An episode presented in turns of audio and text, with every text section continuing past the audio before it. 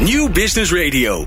Let's Talk Business. Met nu People Power met Glen van der Burg. People Power is een programma over de kracht van mensen in organisaties. Met interviews en laatste inzichten voor betere prestaties en gelukkige mensen. Deze week gaat Glen van der Burg in gesprek met... Ellie Ploemen, groep, groep HR Director en Maaike Blanchard, HR-projectleider bij Achmea. You cannot build an organization fit for the future if it's not fit for human beings. Bij People Power geloven we in deze gevleugelde uitspraak van professor Gary Hamel, waarin hij de toekomstbestendigheid van een organisatie verbindt aan de mate waarin een organisatie in staat is om het beste in mensen boven te halen. HR heeft een sleutelrol in het ontwikkelen van deze kwaliteiten. En in onze reeks HR Creates People Power gaan we in gesprek met HR-verantwoordelijken over de kracht van mensen in organisaties. En na, het is al een hele rij ondertussen, uh, BASF, Catharine Ziekenhuis, Capgemini, Sligo en vele anderen zijn nu Ellie Ploemen en Maaike Blanchard van Achmea te gast. Met een bijzonder verhaal. Want Achmea schafte namelijk onlangs, nou ja onlangs, het is alweer een tijdje geleden, de complete beoordelingssystematiek af. Niet meer beoordelen en ook niet meer belonen naar die beoordeling. Hoe is dat proces verlopen en wat kwam er voor in de plaats? Dat gaan we allemaal bespreken in deze aflevering van People Power. Win Davids is in de studio, die verzorgt de column. En wil je nou meer afleveringen van HR Creates People Power of wil je zelf in de uitzending komen als HR-verantwoordelijke? Ga dan naar peoplepower.radio en klik op de radioreeksen. En we zijn ondertussen ook beluisterbaar op Spotify. Dus je kunt ons overal vinden. Fijn dat je luistert naar People Power. People Power met Glen van den Burg. Ellie Ploemen en uh, Michael Blanchard in de studio van, uh, van Achmea. Bijzonder leuk dat jullie er zijn. Welkom. En met een bijzonder verhaal. Want uh, ja, ik, ik, weet het nog goed. Een, een, niet al te lang geleden was er een groot bericht in de krant, in alle vakbladen Achmea schaft zijn beoordelingscyclus af. Gaat niet meer beoordelen. Nou ja, dan, dan, dan duurt het even voordat wij jullie in de studio hebben. Maar wij hebben dan wel jullie hier heel lang in de studio. Dus we gaan een uur lang gaan we daarover praten. Over hoe dat eigenlijk uh, ontstaan is. En, um, uh, en wat er voor in de plaats is gekomen. Uh, Ellie, waar begint zo'n zoektocht? Waar begint, waar begint dat, ja, dat je erover gaat denken om daarmee te stoppen? Nou, dat begint eigenlijk al, uh, ik denk een jaar of drie geleden. Dus dat, is al een hele tijd uh, terug. Uh, op dat moment gingen we merken dat het systeem wat we hadden eigenlijk meer en meer ging knellen.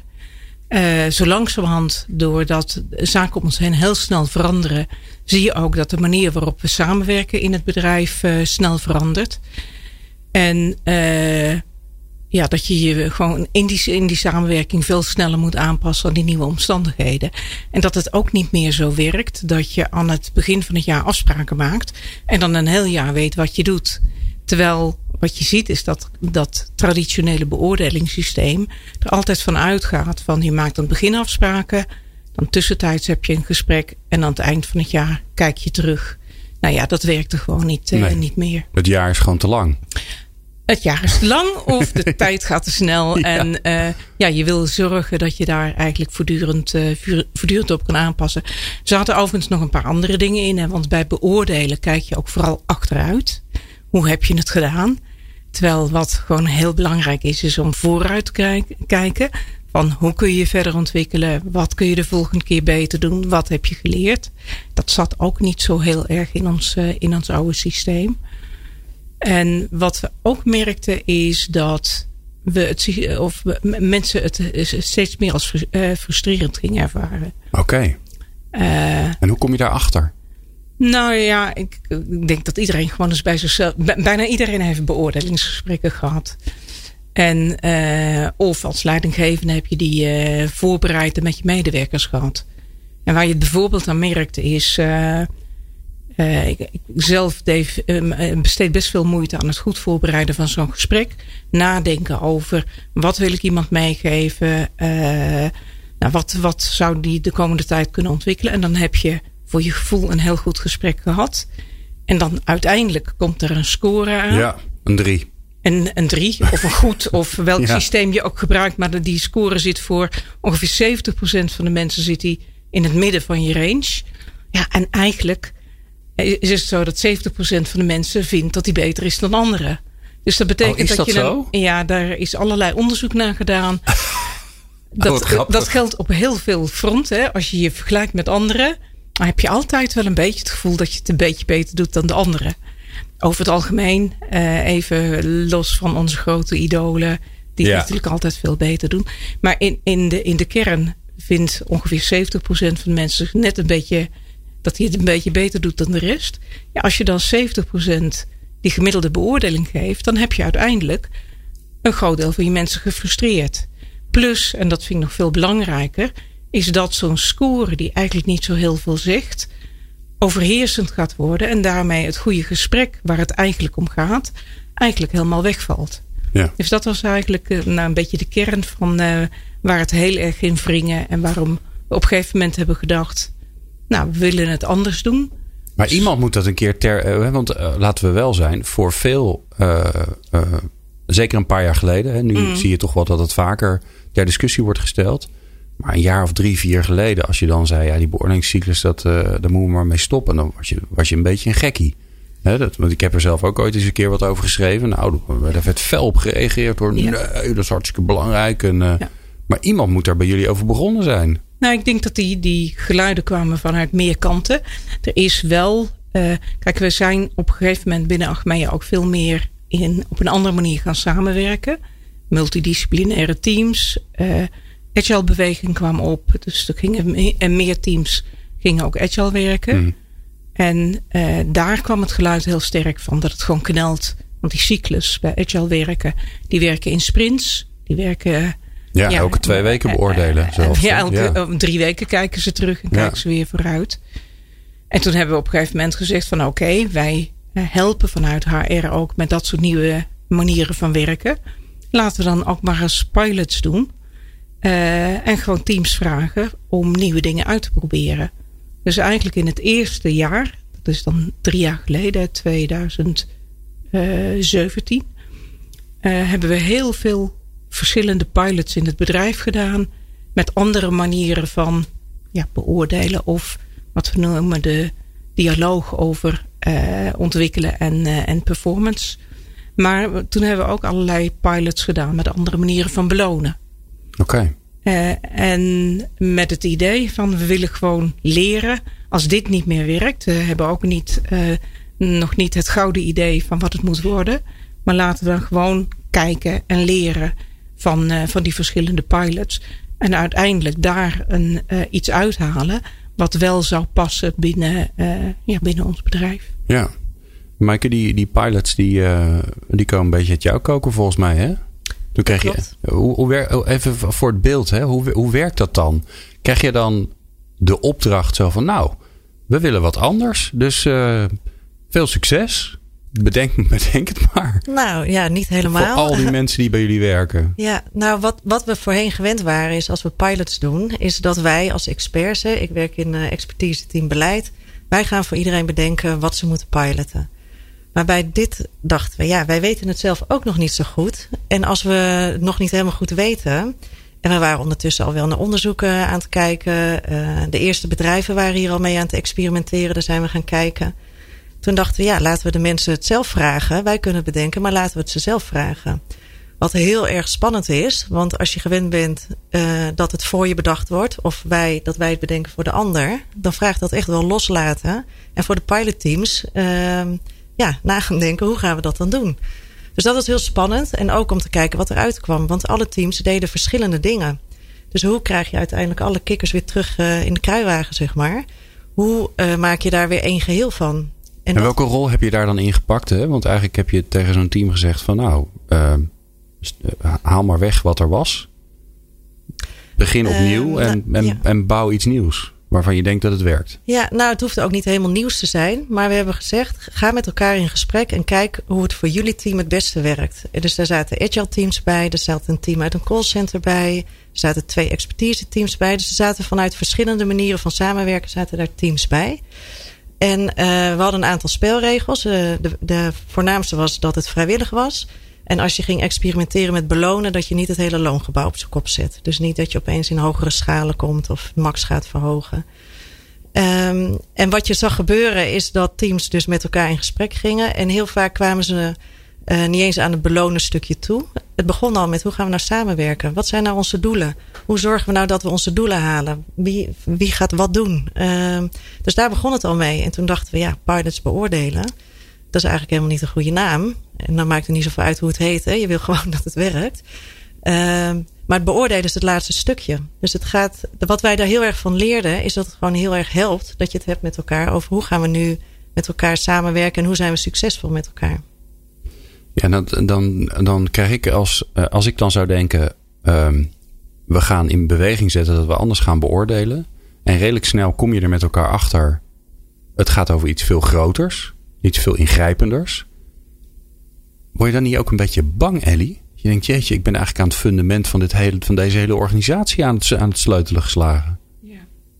Nou, het is, zeg maar, toen we ermee gestart zijn, uh, het is gewoon echt wel een hele spannende, uh, spannende reis geweest, om het zo maar even te noemen.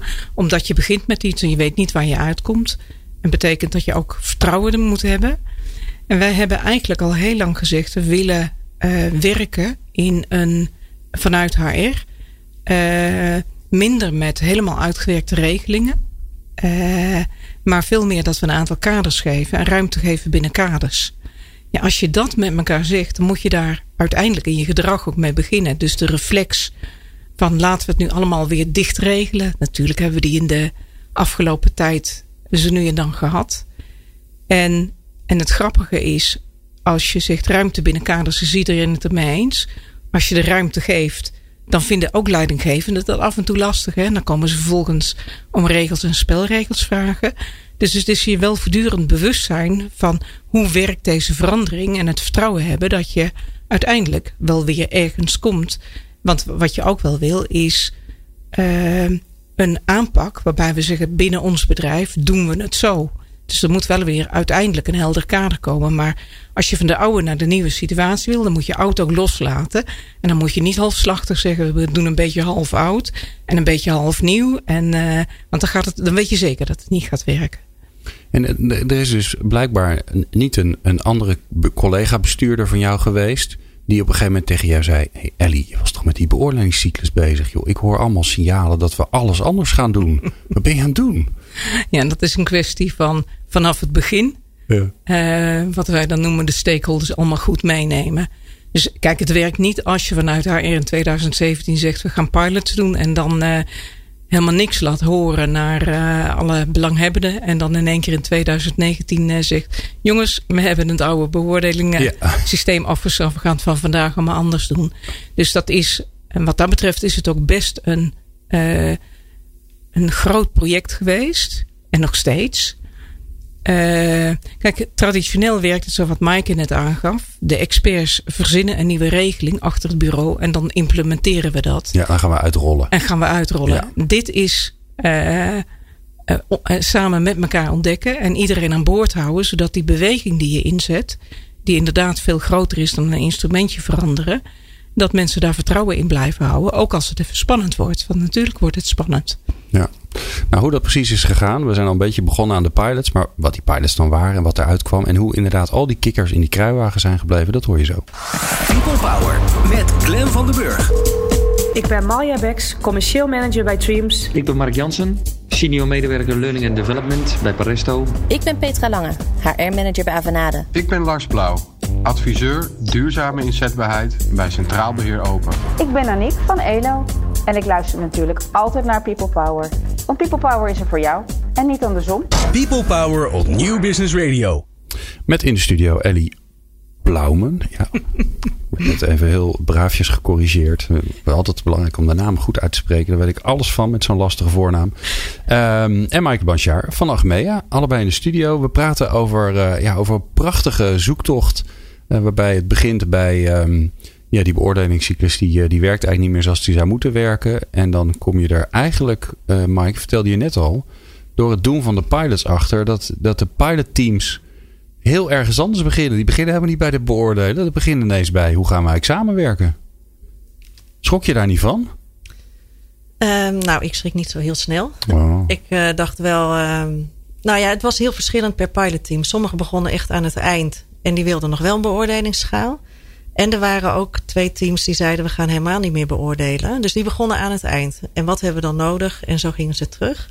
De meeste teams begonnen met hoe gaan we nou met elkaar samenwerken. Dus het was wat verschillend per team. Uh, ja, maar wel hoeveel, hoeveel pilot teams heb je uh, in gang gezet? Um, ja, we hebben eigenlijk twee fases van pilots. We hebben de pilots waar, waar ik net over vertelde, die dus helemaal zelf mochten weten hoe ze het invulden.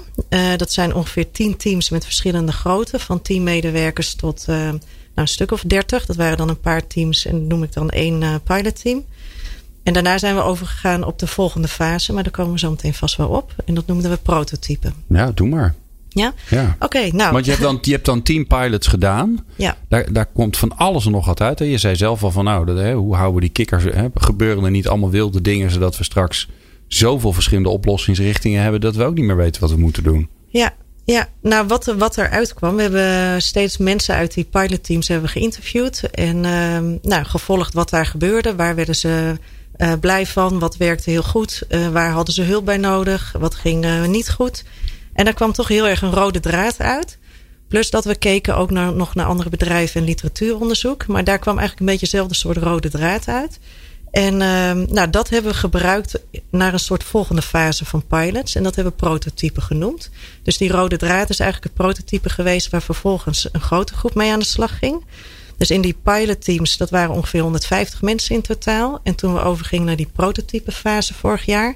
Toen hadden wij uh, twee divisievoorzitters die hun uh, vinger opstaken. Nou, dat is echt super fijn, want daardoor kan je veel meer volume creëren. Dus dan hadden we bijna 900 medewerkers die met dat prototype gingen werken. Okay. Ja, daar kan je natuurlijk veel meer ophalen. En dat prototype was eigenlijk de richting uh, die we op wilden. Dus daardoor konden ze niet allemaal meer zelf bedenken, maar was het wel veel meer een kader. Eigenlijk wat Ellie net vertelde en, over een kader en daarbinnen is dan ruimte. En wat zit er dan in dat kader? Dus waar, waar kwam je dan achter waarvan je zei van nou dit, moet, dit moeten we in ieder geval doen? Um, het, ja, het kader bestaat eigenlijk uit zes uh, elementen. Dat is eigen regie, dus veel meer eigen regie bij de medewerkers. Um, zowel over het stellen van doelen, maar ook over het proces, over hoe je met elkaar in gesprek gaat, noem maar op. Um, talentbenadering. Dus veel meer kijken naar wat zijn je talenten en hoe kan ik die goed inzetten. In plaats van wat we vooral gewend waren. Wat kan je niet goed en wat moet je ontwikkelen om het uh, wel goed te kunnen. En de vraag is of dat ooit kan, hè, als je ja. dat uh, niet goed kan. Maar dat is al best wel een ding. Want dat houdt in ja. dat je je hele competentiematrix en zo allemaal in de vuilnisbak gooit. Ja, ja, die is ook spannend. Ja, maar ga door. Uh, de derde is uh, uh, feedback. En niet feedback is niet het doel op zich, maar dat je daarvan leert. En of je dat nou ehm, met je hele team samen doet. Je ziet teams die met elkaar een soort feedback sessie organiseren. Of dat je bij een aantal mensen dat ophaalt. Eh, het liefst wil je het in het moment dat het zich voordoet. En voor je lange termijn ontwikkeling, ja, doe je dat om de zoveel tijd, zeg maar. Uh, kortcyclisch. Nou, wat kortcyclisch is, dat is afhankelijk in het, uh, van het type team waar je werkt. Werk je in een agile team, dan kan je dat bijvoorbeeld uh, koppelen aan de PI-planning. Dat zien we nu veel. Dus die plannen een, een, kwartaal vooruit en daartussen hebben ze die sprints. Nou, voor een callcenter kan dat weer een andere ritmiek zijn. voor een expertise team kan het misschien drie keer per jaar zijn. Maakt ons niet uit als je maar afspreekt. Wat werkt voor ons? Hm. Dus het is, dat is zeg maar dan het kader en vul het in. Ja. Um, minimaal één keer per jaar een reflectiegesprek. Uh, ook vaker is ook goed. Maar uh, dat willen we in ieder geval omdat het gevaar van kortcyclisch is. Dat je heel erg in het hier en nu blijft. En als je een reflectiegesprek één keer per jaar uh, doet. Dan kijk je even iets verder terug en wat verder vooruit. En de laatste is de coachende rol van de leidinggevende. Dus veel minder sturend en meer coachend. En daar spreekt een enorm vertrouwen in mensen in uit. Want, want eigen regie, coaching de rol van de leidinggevende heel veel vrijheid in van ja, weet je, we, passen ons eigenlijk aan naar hoe de business in elkaar zit. Um, waar komt dat vandaan, Ellie? Um, ik vind het wel leuk dat je dat uh, opmerkt naar, uh, aan de hand van uh, de kaders die we hebben. Het is inderdaad zo dat we dat er aan de basis van deze verandering inderdaad een positief mensbeeld staat. Um, eigenlijk een soort overtuiging van als je strategie duidelijk is, je doelen zijn duidelijk en je hebt in het bedrijf een aantal gedeelde waarden, dan willen medewerkers gewoon een goede bijdrage leveren. Dus, uh, en de, de, oude, zeg maar de oude methodiek ging veel meer uit van een negatief mensbeeld. je hebt een beoordeling nodig en uh, controle. Je, je zag, controle en je zag ook dat uh, bij wijze van spreken de, meer dan de helft van de aandacht ging uit naar de paar mensen die niet goed functioneerden. Terwijl wat je eigenlijk wil, is het grootste deel van je aandacht geven aan het verder ontwikkelen en, en wat wel goed gaat. En in wezen ligt het, het, het, mens speelt hier aan ten grondslag. Als je ervoor zorgt dat de doelen duidelijk zijn, dat je strategie helder is, dat je waarden duidelijk zijn. En dat je dat verhaal ook vertelt. Hè? Medewerkers moeten het ook begrijpen. Uh, ja, dan gaan mensen vanzelf het goede doen. En dat is eigenlijk als je rondloopt in het bedrijf, merk je dat ook. Medewerkers zijn enorm gefrustreerd als ze niet in staat zijn, bijvoorbeeld doordat een systeem niet werkt of wat dan ook, om een klant goed te bedienen. Uh, dus die, die drijfveer die zit er. En waar het, waar het dan uiteindelijk om gaat, van hoe zorg je nou met uh, de manier waarop je HR inzet, dat je dat versterkt in plaats van dat je dat verzwakt of ja. weghaalt. Ja, maar dat voelt ook als iets wat, wat wel heel diep geloofd ook moet worden binnen de Raad van Bestuur. Ja. ja. Want hey, je, je kunt dat vanuit HR mooi willen. En ik denk dat als je de gemiddelde HR-medewerker vraagt, HR-professional vraagt, dan, dan zal hij erin geloven. Want anders ga je het vak niet doen. Maar ja, jullie zijn helaas nog niet al, almachtig. Nee. Nou, ik, ik, ik weet niet. Uh, weet je, in je vraag klinkt een soort tweedeling door van HR gelooft het en leidinggevende. En met name hoe hoger je in de organisatie komt, hoe. Uh, negatiever het mensbeeld is. Nou, dat, zeg ik niet. Ik zeg alleen, ik, ja. ik, ik, vraag me af, hoe zorg je dat het, dat het daar ook zo is? Ja, nou ja, eigenlijk omdat we van uh, deze verandering voeren van hoog tot laag in. En dus ook, het geldt niet alleen voor uh, medewerkers, maar ook voor leidinggevenden tot, met het, tot en met het topkader. En iedereen, iedereen heeft in de rol die hij heeft als leidinggevende, heeft hij gewoon ervaring. Uh, en als je uitgaat van die ervaring, nou, dan, dan weten ook in de top van de organisatie, weten bij wijze van spreken raad van bestuurleden, als de strategie helder is, weet je, dan gaan die divisiedirecties, die uh, werken dat verder uit en die gaan ermee aan de gang. Ja. Of die dragen bij aan de strategie. Mensen zijn gemotiveerd om bij te dragen aan het doel van het bedrijf als dat helder is. En als, je, en als er ook voldoende zingeving in zit. Ja. Dus dat, en, en, bij die ervaring sluiten we aan. En wat we proberen is dan zoveel mogelijk aan te sluiten. Of een, een, een beroep te doen op de intrinsieke motivatie van mensen. Ja. Want geloof niet zo in externe motivatie. Mensen, mensen werken niet. Uh, ja, weet je, je moet een fatsoenlijke arbeidsvoorwaarde hebben. Maar je gaat niet harder lopen nee. uh, voor een uh, ietsje meer salaris. Je gaat harder lopen omdat je een blije klant maakt. Mooi.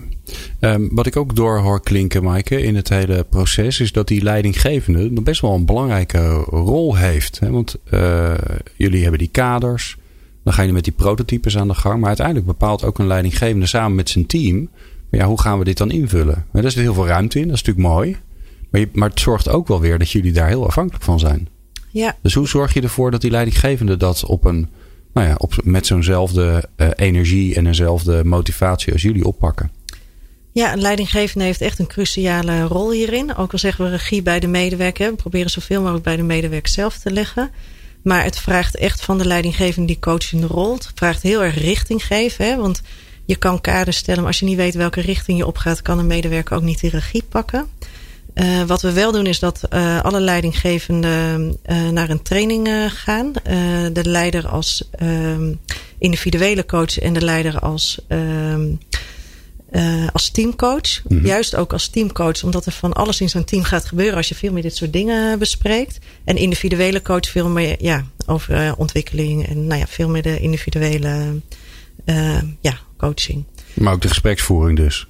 He, want het goede gesprek kwam al even langs. Nou ja, dat, dat, dat is makkelijk gezegd, maar dat is nog niet zo makkelijk om dat goede ja. gesprek te voeren ook. Ja.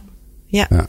Nou, en, en uh, jij vraagt dit. En uh, uh, eigenlijk krijgen we van de vakbond en de Centrale Ondernemersraad, waarin we dit hele traject samen mee opgetrokken zijn, kregen we ook vaak die vraag: hè, van kunnen alle leidinggevenden dit? Dan zei ik nee, niet alle leidinggevenden kunnen dit. Maar nu kunnen ook niet alle leidinggevenden het. Hè? Dus moet je daardoor zo'n verandering stoppen? Of ja, gaan we hun helpen? En, en uiteindelijk zal niet iedereen dit kunnen. Of, of zich hier niet fijn bij voelen. Ja, dan, dan is het tijd om iets anders bijvoorbeeld te zoeken. Uh, maar dit is wel wat we willen en wat we vragen van de leidinggevende. Ja, mooi.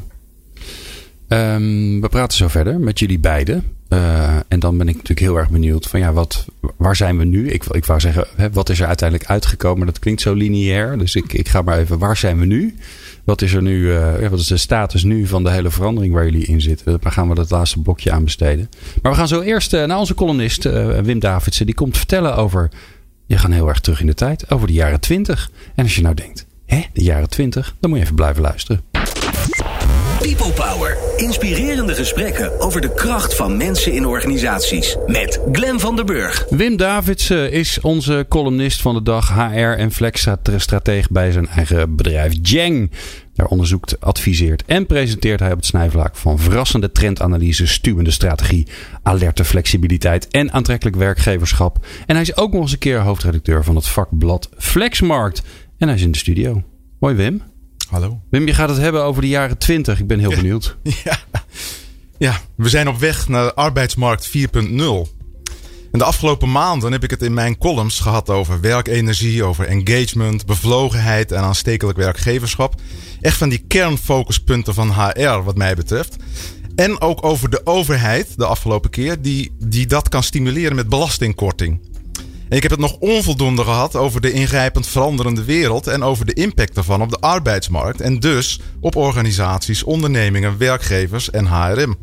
En daar is het nu wel de hoogste tijd voor. Om een duidelijke knip te zetten, in de aanstonds beginnende jaren 20 gaat de wereld best fundamenteel veranderen. De vierde industriële revolutie neemt het dan helemaal over. De afgelopen maanden heb ik het al vaak gehad over de krappe arbeidsmarkt. Nou, die krapte die wordt structureel omdat vanaf 2020 de potentiële beroepsbevolking van Nederland, zeg maar iedereen tussen 15 en 70 jaar oud, die beroepsbevolking die gaat krimpen. Dan gaan we van 12 miljoen mensen langzaam maar zeker terug naar 11,5 miljoen.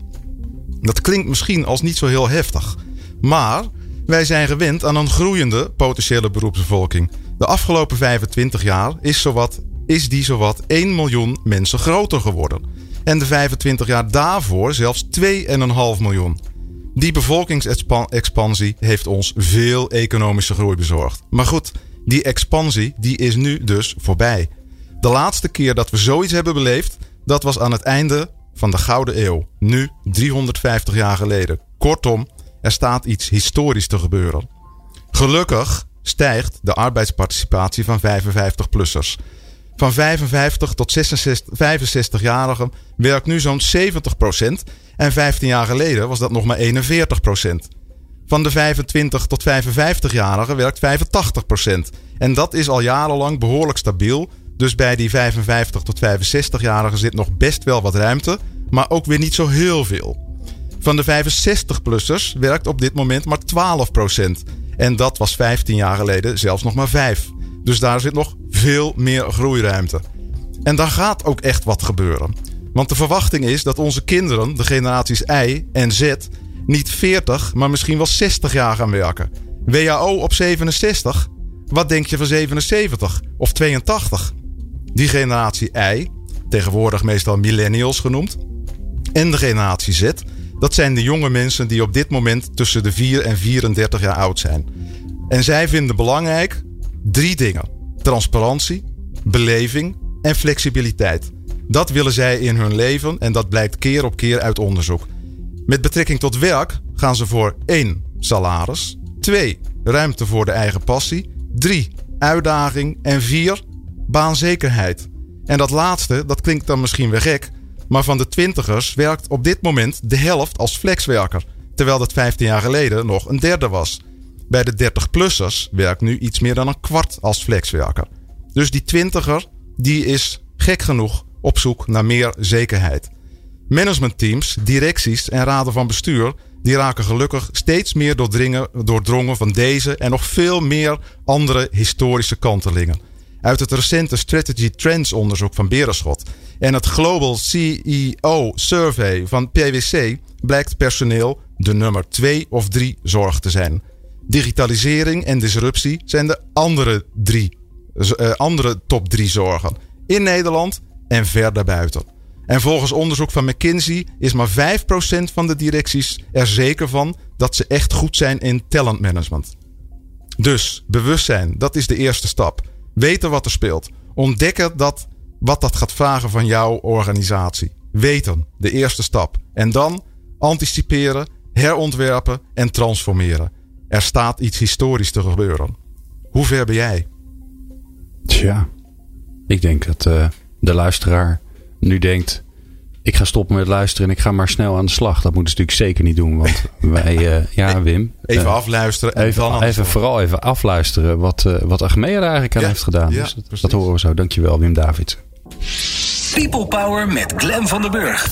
Meer luisteren? people-power.nl Ellie Plaume en Maaike Blanch- Blanchard in de studio van Achmea. We praten over eh, ja, de bijzondere reis van een eerste gedachte. Goh, dat beoordelingssystematiek, daar moeten we iets mee. Het werkt niet meer helemaal. Via de, de pilots om, het, eh, te kijken hoe mensen het zelf zouden invullen. Naar de prototypes. En we zijn nu ja, een beetje het heren nu beland, Ellie. Ehm, eh, waar, waar zijn jullie nu? Want ja, ik, ik wilde eigenlijk gaan vragen... eh, wat is er uitgekomen? Of eh, wat, wat is het geworden? Maar dat, dat is weer zo definitief. En Ja. niks is meer definitief. Ja. Nou, we hebben eigenlijk vanaf het begin gezegd van eh, dit is een verandering waar je een tijd voor uit moet trekken. En het is niet een knop die we omzetten van 1 januari, eh 31 december doen we het op de oude manier en 1 januari doet iedereen het op de nieuwe manier. Dus wat we gedaan hebben is eh, gezegd vanuit die prototypes die Maaike net noemde, hebben we geleerd van hoe je dat eh, op moet schalen zoals we dat dan noemen. Eh, wat moet je allemaal klaar hebben staan om ervoor te zorgen dat zowel medewerkers als leidinggevenden mee in de slag kunnen. Maar we hebben ook gezegd, we pakken twee jaar. trekken we ervoor uit, twee tot drie jaar, voordat zeg maar het hele bedrijf dit op een redelijke mate van volwassenheid moet kunnen. Maar ook uit de Eh. prototypes is. eh, Want het klinkt alsof er een soort blauwdruk is. Maar de blauwdruk blijft. Dit zijn de kaders. Dit Ga de- er zelf mee aan de Ja, slag, toch? ja. Dat is niet veranderd. Nee, dus wat er op 1 januari gebeurd is, is dat we gezegd hebben van eh, we stoppen met oude. Dit, eh, beste mensen, is voor de laatste keer dat je een beoordelingsscore hebt gehad. Die komt er volgend jaar niet meer. En we hebben alle teams en, ja, en iedereen gevraagd om te starten met de gesprekken in het team. Van hoe ze een begin maken met die nieuwe aanpak. Ja. En dat betekent dus dat teams met elkaar moeten gaan bekijken van ja, hoe gaan we dat doen? Eh, hoe, waar beginnen we? Eh, hoe gaan we elkaar feedback geven? Dus eigenlijk op al die kaders moeten ze met elkaar afspraken maken. Dus binnen Achmea zijn nu alle teams met elkaar in gesprek over nogal een fundamentele vraag. Want uiteindelijk kom je daar toch op terecht. Hoe Ja. willen we eigenlijk werken met elkaar? Ja. Goedemorgen zeg. Ja, en kijk, eh, dat betekent niet dat voor alle teams de manier van samenwerken in één keer drastisch verandert. Voor veel teams die hebben een manier van samenwerken. En in die manier van samenwerken eh, kun je op een hele logische manier het feedback geven en het met elkaar afspreken. Hoe je doelen, eh, hoe je doelen stelt, kun je daarin integreren. En eh, sommige teams moeten daar echt wat andere, wat andere dingen voor doen. Ja. En wat we afgesproken hebben is dat we in het eerste half jaar, dus daar zitten we nu zo ongeveer, in ieder geval alle teams daar een start mee gemaakt hebben. En dan is er nog iets belangrijks gebeurd, hè, Ellie? Want dat is altijd Ja. het hete hang- hangijzer. Volgens mij de vraag die jullie van iedereen krijgen. Als je hè, die horen van, goh, die beoordelingssystematiek, ja, die hebben we niet meer. We beoordelen niet meer. Mhm. Ja, dat kunnen we niet vaak genoeg zeggen. Er is gewoon geen beoordeling meer. Ja. Hoe doe je dat dan met de beloning?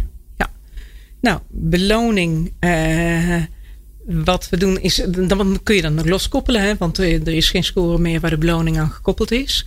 Daar hebben we ook met de vakorganisaties afspraken over gemaakt. Ehm, en de, die afspraak is dat eh, medewerkers in vaste stappen van het begin naar het eind van de schaal eh, gaan.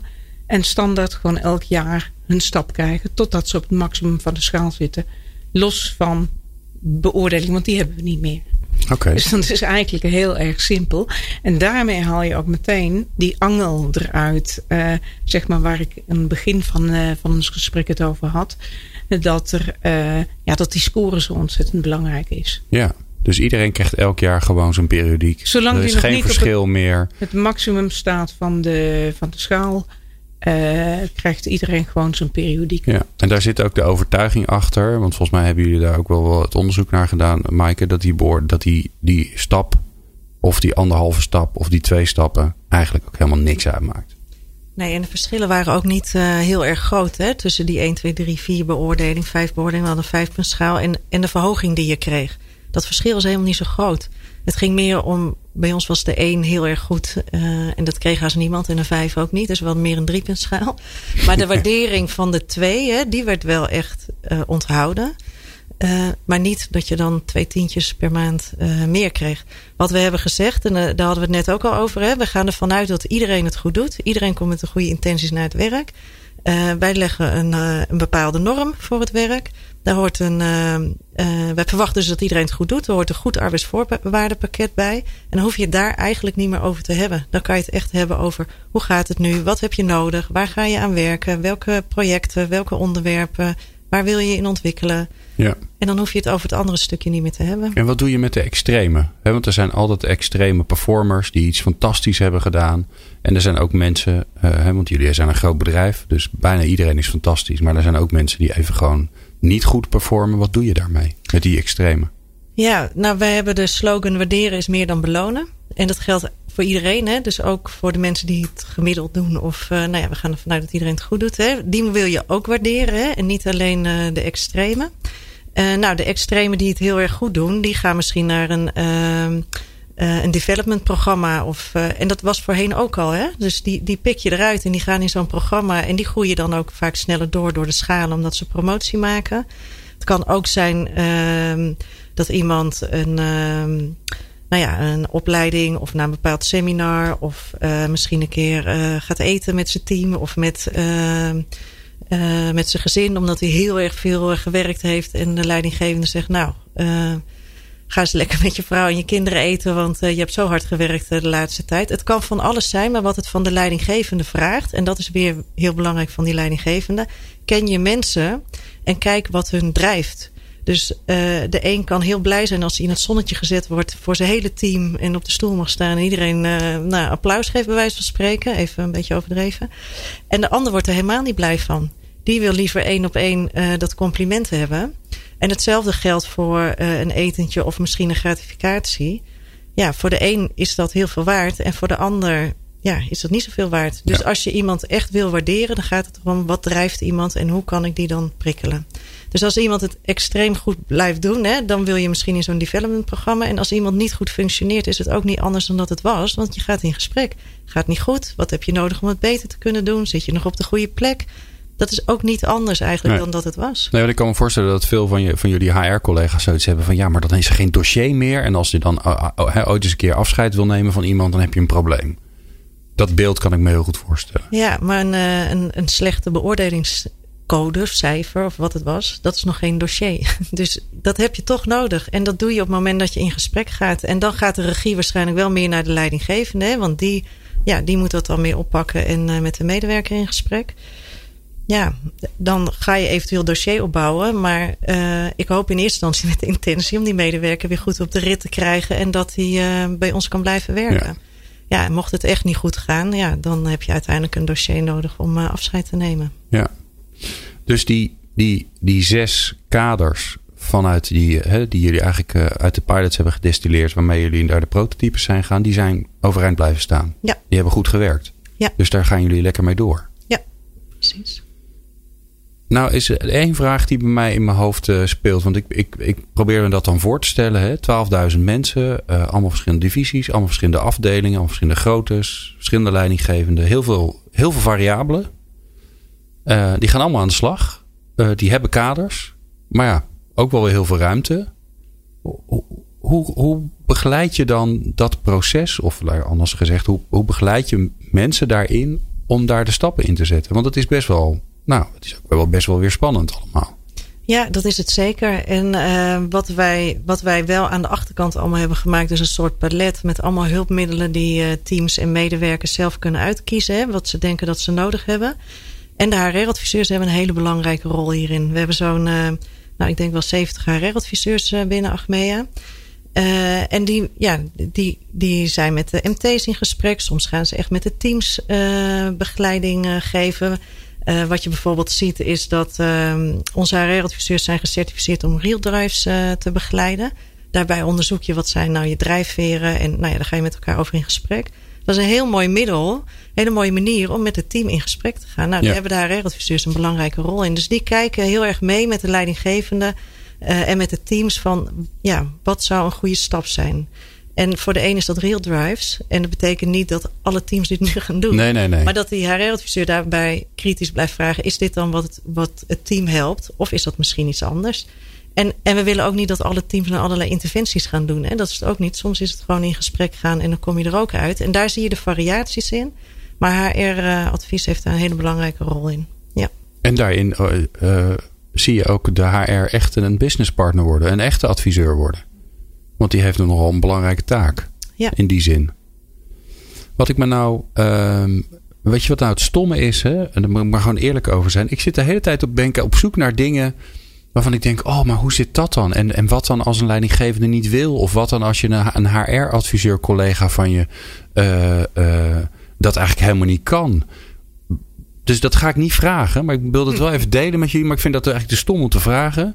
Um, uh, ik ga een andere vraag stellen. Waar zijn jullie nou tegen aangelopen wat je, wat je zelf verbaasd heeft? Waarvan je van tevoren helemaal niet gedacht had dat dat, een, dat, dat het effect zou zijn van deze nou ja, beweging die jullie gestart zijn.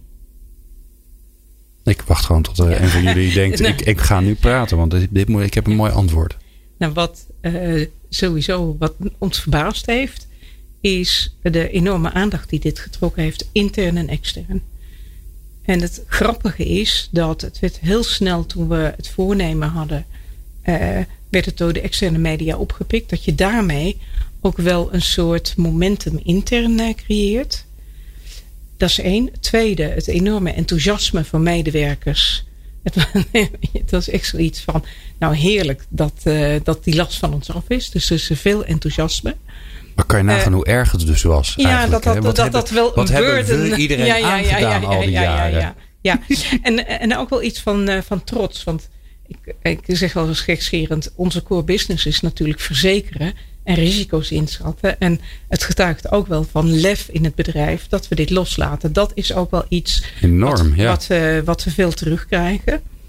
Uh, dus daar is heel veel enthousiasme. Tegelijkertijd zeg ik ook wel eens van, weet je, we zijn op 1 januari gestart. We zitten nu in de witte broodsweken. Nou, intussen al zes witte broodsmaanden. En dan begin je ook uh, ja, te voelen van wat lastig is en waar extra ondersteuning nodig is. Uh, dus, en dan kom ik toch een beetje op wat je net zei, Glenn, van wat. Anders klinkt het ook als, alsof we het allemaal al hebben uitgevonden. Waar we bijvoorbeeld nu nog heel erg naar aan het kijken zijn, is we hebben eigenlijk drie doelen met die vernieuwde aanpak. We willen het prestatievermogen vergroten, het leervermogen en het werkplezier. Eigenlijk zou je ook willen meten van gaat dat nou ook lukken? En daar hebben we wel een aantal uh, zaken voor op het vizier. Maar hoe hard kun je nou maken dat zometeen het prestatievermogen verbetert hm. door deze veranderende aanpak? En dat is best nog een zoektocht. Ja. Terwijl wat je eigenlijk ook vanuit HR zou willen, is veel meer dat soort dingen ook fact-based uh, kunnen onderbouwen. Dus daar zijn we nog mee bezig. Dat is nog work in progress om dat, uh, om dat goed te krijgen. Ja, mooi. Dankjewel. Uh, mooi ook om aan te geven dat het niet alleen maar Hosanna is. Dat het gewoon lastig is. Uh, want ik kan me heel goed voorstellen, want veel, veel van jullie HR-collega's luisteren naar dit programma, gelukkig. Daardoor kan ik hier elke week mooie, mooie, mooie inhoud maken. maar ik kan me ook voorstellen dat dit um, ja, mensen aan het denken zet, maar ook, ook, ook het gevoel geeft van ja, als ik dat ga vertalen naar mijn eigen organisatie, jeetje mina zegt, dat is nogal een grote uitdaging. Um, kunnen ze ergens naartoe? Los van dat ze deze uitzending natuurlijk geluisterd hebben. Kunnen ze ergens naartoe om meer te lezen of te zien of, uh, over wat jullie uh, voor moois gedaan hebben? Um, nou, we hebben in maart een event gehad met Centraal Beheer samen. Voor klanten van Centraal Beheer.